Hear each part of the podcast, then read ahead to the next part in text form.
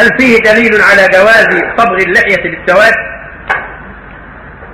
أما صبغ اللحية بالسواد فقد دلت الأدلة على منعه جاء صحيح عن النبي صلى الله عليه وسلم أنه قال لما رأى لحية أبي قحافة والد الصديق رضي الله تعالى عنهما ورأسه كالثغامة بياضا أمره أن يغير الشيء ويجنبه السواد.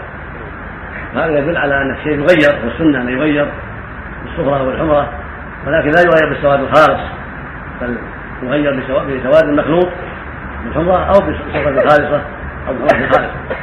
وفي السنن المسلم والسنن عن أبي داود عن ابن عباس رضي الله تعالى عنهما أن النبي عليه السلام قال يأتي في آخر الزمان قوم يحذبون بالسواد حواصل الحمام لا يريحون رائحة الجنة وهذا وعيد عظيم وسنده لا بأس به.